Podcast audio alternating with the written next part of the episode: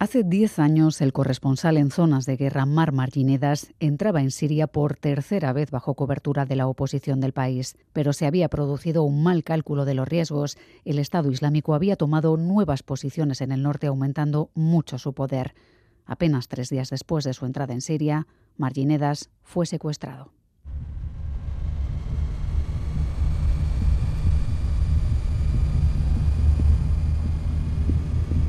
Pasó casi seis meses de secuestro en condiciones brutales, golpeado, pasando hambre, frío, oyendo cómo sus captores acababan con la vida de otros rehenes. Aquellos días se recogen ahora en un documental en el que nos encontramos al periodista, pero también a sus compañeros o a su hermana Cristina. Todos trabajaron sin descanso hasta lograr que volviera a casa, movieron todos los hilos posibles, enviaron incluso mensajes a los captores pidiendo que lo soltaran o al menos una prueba de que estaban vivos.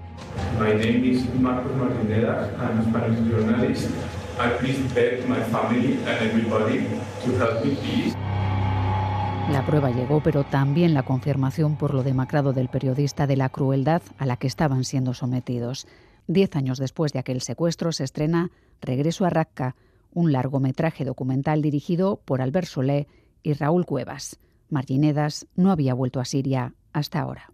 Soy Miriam Duque, la encargada de abriros esta Gambara Negra, un podcast de crónica negra en el que hacemos que ciencia, especialistas y pruebas abren más que nosotros para recomponer la actualidad y tratar de entender la mente de quienes se escoran al lado oscuro. Era el tercer viaje que Marc Marginedas, corresponsal de guerra del periódico de Cataluña, realizaba a Siria. El 1 de septiembre de 2013, Marc entraba en el país a través de la frontera turca a pie y sin visado, acompañado por combatientes del ejército libre sirio. El objetivo de Mark era informar sobre lo que parecía una próxima intervención militar de Estados Unidos en Siria, en respuesta al ataque con armas químicas desatado en agosto por el régimen de Bashar al-Assad contra la oposición en las afueras de Damasco. El 4 de septiembre, en la redacción del periódico se impacientaban. La crónica que esperaban de Mark no llegaba y tampoco contestaba a los mensajes. Era extraño, pero pensaron que quizá tenía problemas de conexión. Pasados dos días sin que diera señales de vida, se desató la alarma algo iba mal. Preguntaron a unos colegas que andaban por la zona y enseguida confirmaron que Mark estaba secuestrado por un hasta entonces desconocido ejército islámico de Irak y Siria, que luego pasaría a autodenominarse Estado Islámico a secas. Marginedas viajaba en coche junto con su chofer cuando fue interceptado por los yihadistas en los alrededores de Hama, al oeste de Siria. Sus secuestradores sospechaban que Mark era un espía al servicio del régimen de Damasco. El 23 de septiembre, el periódico de Cataluña informa de su secuestro. Al día siguiente, el entonces ministro del Interior, Jorge Fernández Díaz, confirma oficialmente la noticia. Esta persona, este periodista, está retenido por una organización islámica próxima a Al Qaeda. Para ser eficaces hay que ser discretos. Solo les digo que, insisto, estamos eh, en ello. Poco después supimos que los del ISIS mantenían secuestrados a una veintena de periodistas y trabajadores de organizaciones humanitarias de diferentes países. Durante el cautivario se sucedieron las concentraciones para exigir la liberación de Mark y sus colegas. Organizadas por el periódico, se sumaron a las mismas familiares, amigos, instituciones, políticos, sindicatos y compañeros de otros medios. La mayor movilización se produjo poco antes de Navidades. Querido Mark, queridos compañeros secuestrados, sabemos que este año no os tendremos aquí, en casa, con motivo de estas fiestas. Sabemos que otra vez es por trabajo, no por un trabajo normal, lo que estáis elaborando es una crónica, pero no es una crónica como las habituales. 2014 comenzó sin saber nada nuevo salvo que los bombardeos y los combates en Siria se recrudecían. Por fin, a mediados de febrero, llegaban señales de que algo se movía y el 2 de marzo, Mark estaba libre en Turquía. Habían pasado seis meses. Otros secuestrados no tuvieron la misma suerte. Seis de ellos acabaron decapitados frente a una cámara de televisión.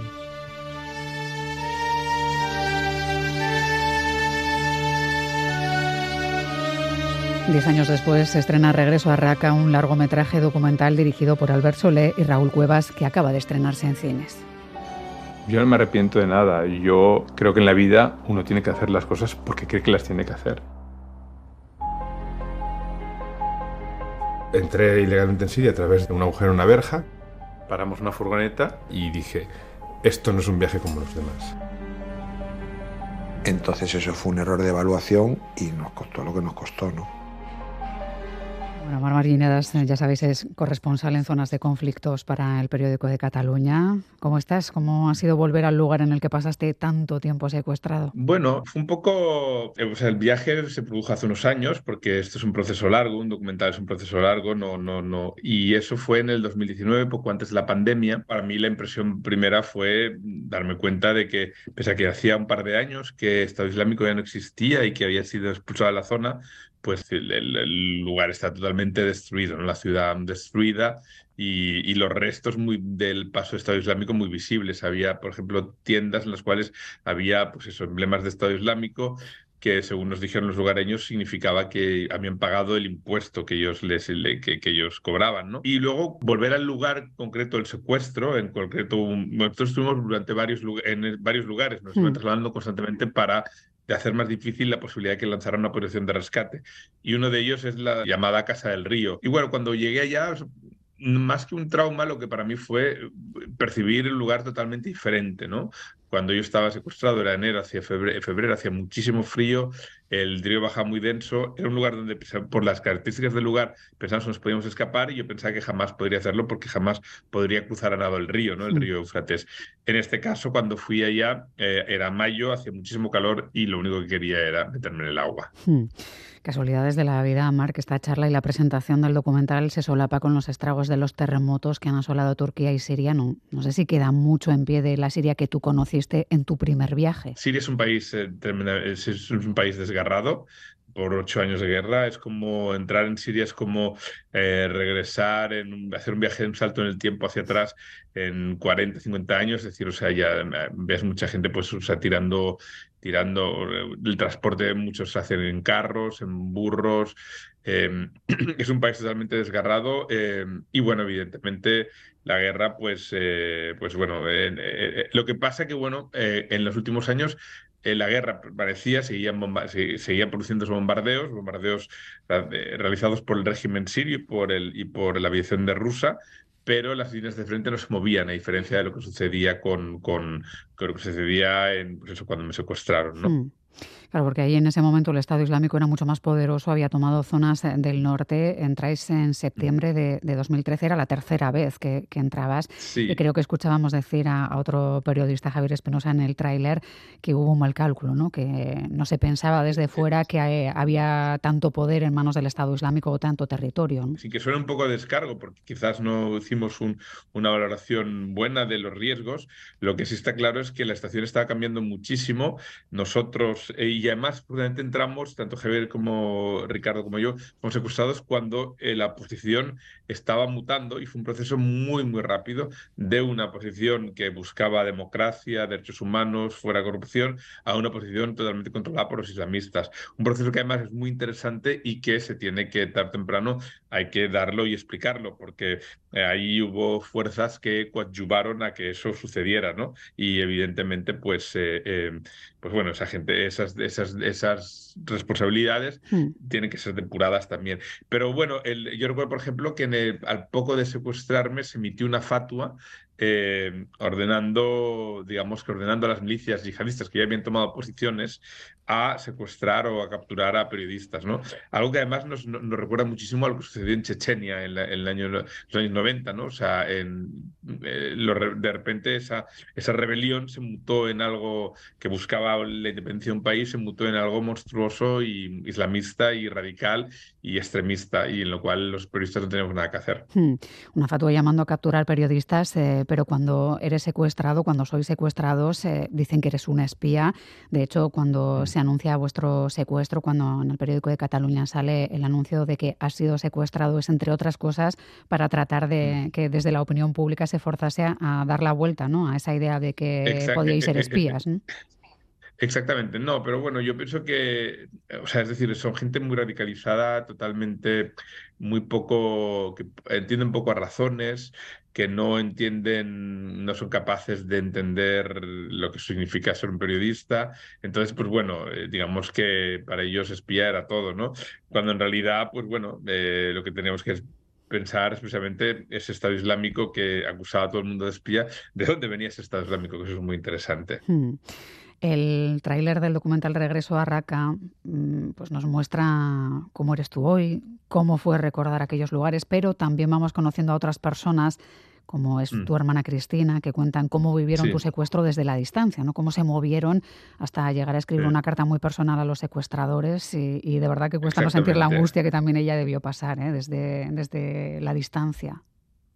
Sí, bueno, por ejemplo, mi hermana es religiosa, es muy católica, yo también soy católico, me considero católico y religioso, entonces eso, mi hermana me envió una carta que no me llegó, eh, pero evidentemente eh, los secuestradores leyeron, ¿no? Y yo recuerdo, por ejemplo, eh, Jihadi John, al que nosotros llamamos George, y que era la persona que aparece en los vídeos. Recuerdo una vez que entró en la célula y preguntó quién es creyente, yo levanté la mano y otro, yo creo que otro más, nada más. Y eso incluso pues te hacía que, que le, digamos que generaba una pequeñísima empatía eh, en él, ¿no? O sea, y yo pues eso, recuerdo pues que eso lo veía con buenos ojos, aunque también, por ejemplo, recuerdo que ese mismo señor que cuando me entregó una milicia local de Estado Islámico, ya cuando me iban a liberar, esa milicia local me iba a llevar hasta la frontera, estaba yo con una manta cubriéndome la cabeza y él me dio una última oportunidad para que me convirtiera al Islam y me decía que em, si no me convertía al Islam pese a haber oído y haber recibido la, eh, haber, sido, haber sido enseñado en la introducción en la religión musulmana por ellos, que yo me acabaría eh, eh, condenando, ¿no? Es decir, esta persona, pues evidentemente desconocía por completo los preceptos de su propia religión, que hablan de que a los cristianos y a los judíos hay que respetarlos. Hmm. Era un ser malvado, decís en, este trabajo en Regreso a Raqqa, este hombre a quien llamabais George, y, y en ese momento también empezaba a cambiar el Estado Islámico, ¿no? Da paso al terrorismo 2.0 grabando vídeos, asesinando a rehenes para que se viralicen, eh, pasan a ser mm. muy radicales y además hacerlo público, ¿no? Tenían muchos vídeos y una forma de extenderse también en redes sociales muy peligrosa. Sí, eh, bueno, yo pienso que eso ya no se puede volver a repetir, evidentemente ya hay controles por las partes de las fuerzas de seguridad para evitar que, que, ese, que, que ese flujo constante de, de, imágenes, que además se ofrecían unas imágenes idealizadas, ¿no? O sea, se decían que, bueno, pues que Estado Islámico que era un lugar precioso, lleno de, de, como decía un periodista, y una piscinas estupendas, lugar precioso. Bueno, bueno, si tú vas a Siria, lo que van lo que vas a tragar es polvo, ¿no? Y de hecho recuerdo que uno de los captores Mm, se quejaba muchísimo de la calidad, por ejemplo, de la, de la construcción de una casa en la que estuvimos, ¿no? Que pensé, hijo mío, o sea, ¿dónde te crees que ibas? ¿Quién te ha hmm. engañado así, no? O sea, eh, eh, entonces, bueno, yo pienso que eso, eso, eso, ya no, eso ya no se puede, eso ya no se puede repetir, ¿no? Eh, yo creo que Estado Islámico lo que yo creo que hay, las ejecuciones eh, hay que abrir un debate entre los periodistas sobre hasta qué punto, sobre qué, cómo mostrarlas, porque el, riesgo, eh, es decir, en, en, los años en que el Estado Islámico se expandió muchísimo, eh, fueron, fueron los años en los cuales se producían estos vídeos, ¿no? Y estos vídeos tenían clarísimamente un mensaje de para reclutar, era un mensaje para reclutar a gente. Y de hecho, la primera ejecución, que es la de el, el rey británico, el rey estadounidense James Foley, llega un momento en el cual ellos muestran una imagen suya vestido de camuflaje, dando a entender que están matando a un soldado. En realidad, él no era un soldado, era un periodista, se había vestido en camuflaje porque durante una cobertura como periodista de un diario militar que se llamaba Stars and Stripes, pero nunca fue, pero nunca fue un periodo, nunca fue, nunca fue un militar, ¿no? Pero ellos sí que querían dar la imagen de que, bueno, estamos matando a un soldado, un soldado de ese ejército que eh, actuó en Irak. Yo pienso que precisamente por eso eh, los periodistas tenemos que plantearnos si verdaderamente hasta qué punto mostrar esas imágenes, porque en el fondo eh, son mensajes propagandísticos y creo que es importante la responsabilidad y no convertirte en correa de transmisión de según qué mensajes. Sí, de mensajes eh, que buscaban la épica y eh, el llamamiento a convertirte en un héroe, ¿no? Y, no hablar de, lo que era la realidad. Es verdad que hay que hacer mucha autocrítica también desde, desde el mundo de la prensa. Mar, fueron seis meses prácticamente de un cautiverio muy duro, muy, muy potente, que supongo que deja secuelas No sé si algo así se supera del todo o si sigues teniendo pesadillas con que estás allí o en el fondo uno desea volver, ¿no? Para quitárselas. A ver, yo que eh, recuerde, tuve dos veces, soñé con que está en Siria de nuevo. Yo no creo que no tengo no tengo, no, me parece que, no tuve pesadillas. Eh, tuve en alguna otra ocasión, sí que he tenido problemas, pero no en esta cobertura, ¿no? Y recuerdo el segundo viaje de Siria, sí que había sido un viaje muy duro, había sido las barbaridades que está haciendo el régimen sirio eran absolutamente increíbles, o sea, yo no había visto nunca jamás un nivel de violencia semejante, incluso en Argelia en mi primera cobertura en los años 90 con esas masacres de civiles no lo había visto yo.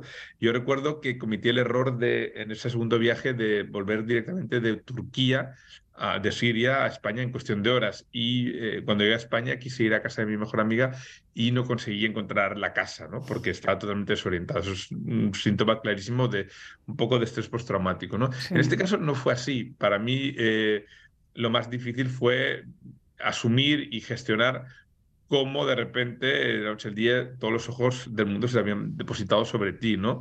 Y cómo, pues bueno, abría el ordenador y había ofertas de dinero muy importantes, etcétera. Cómo gestionar todo eso. Y una cosa que para mí me era fundamental era eh, cómo gestionar mm, eh, la evolución posterior para que el Marc Marginedas se secuestrado no se convirtiera en Marc Marginedas periodista. Yo sigo hmm. siendo periodista y por eso en los, eh, solo dosifiqué muchísimo las entrevistas la primera entrevista la hicimos un año después, luego he, escrito relatos, nunca, y ahora pues simplemente estoy haciendo la promoción de la película, pero, pero no he dado, no, no he querido, no, no, he querido que, querido, he querido seguir siendo percibido como periodista y no como eh, un, un, personaje mediático secuestrado. Me gustaría preguntarte, porque lo dice tu hermana también eh, en el documental, habla de tu infancia, de tu adolescencia, de tu pasión por estar en los lugares del mundo en los que se desarrollaban conflictos, como eras diferente a todos los demás.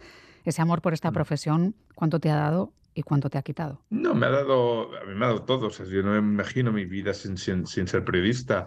Eh, no me ha quitado, yo no que yo estoy muy contento con mi vida y por lo con mi vida en, todos los aspectos, ¿no? Evidentemente, dedicarte a esto es una, no es una profesión, sino es, una, es un modo de vida, es una, eh, no es un trabajo de, de, de, de, 7 a 5, sino que es un trabajo que ocupa toda tu, toda tu vida. Pero a mí, por ejemplo, ya te digo, y yo, sin embargo, el secuestro, aunque evidentemente es duro, sí que le tengo que agradecer una cosa, le, le tengo que agradecer que, bueno, fui no solo periodista, sino protagonista de una cosa, de un hecho muy mediático. Y como periodista, y como, eh, pude ver y tuve acceso a cosas que jamás hubiera visto si no hubiera sido secuestrado, ¿no? Que me han permitido analizar, que me han permitido analizarlas y que me dan mucho, me suscitan mucha curiosidad para explicar precisamente para mí lo que es la, la, la, pregunta fundamental, ¿no? Más allá de los Beatles, de los secuestradores, de los ejecutores de secuestros, ¿de dónde vino este Estado Islámico y a dónde fue? Que es una pregunta además que es una, es una frase que sale de un imán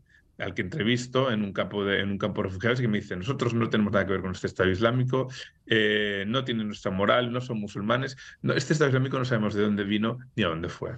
Y para saber la respuesta a esa pregunta, entiendo que tenemos que pasar por los fines y ver regreso a Raqqa, ¿no? En ese documental se plantea la pregunta y las respuestas, yo, por ejemplo, me fui a Rusia buscando respuestas y hasta ahí puedo leer. Bueno, pues recomendamos que todo el mundo que pueda se acerque a Regreso a Raqqa. Tenéis eh, en breve presentaciones, entiendo que se va a mover mucho por eh, estrenos, espero que por festivales, ¿no? Y este es un poco lo que toca ahora, ¿no? Exactamente, se va a mover mucho por festivales, eh, plataformas, ahora tengo una presentación. Mil, gracias. Así que un beso grande, Mar Marginedas, cuídate mucho y que sea un éxito, ¿eh? Regreso a, Raqqa. Un beso. saludos al País Vasco. Yo no me arrepiento de nada. Yo creo que en la vida uno tiene que hacer las cosas porque cree que las tiene que hacer. Entré ilegalmente en Siria a través de un agujero en una verja, paramos una furgoneta y dije, esto no es un viaje como los demás. Entonces eso fue un error de evaluación y nos costó lo que nos costó, ¿no? Yo creo que ninguno éramos conscientes del alcance que tenía su profesión, hasta el secuestro. My name is Marcos Martinera. I'm a Spanish journalist. I please beg my family and everybody to help me, please.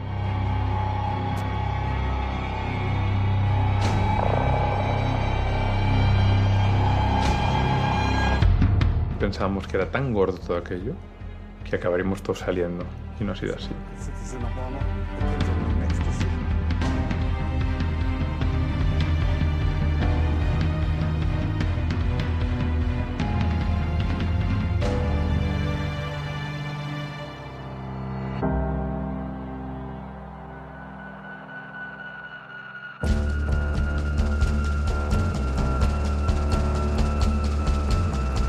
Gambara Negra, el podcast de crónica negra e investigación de EITB Podcast.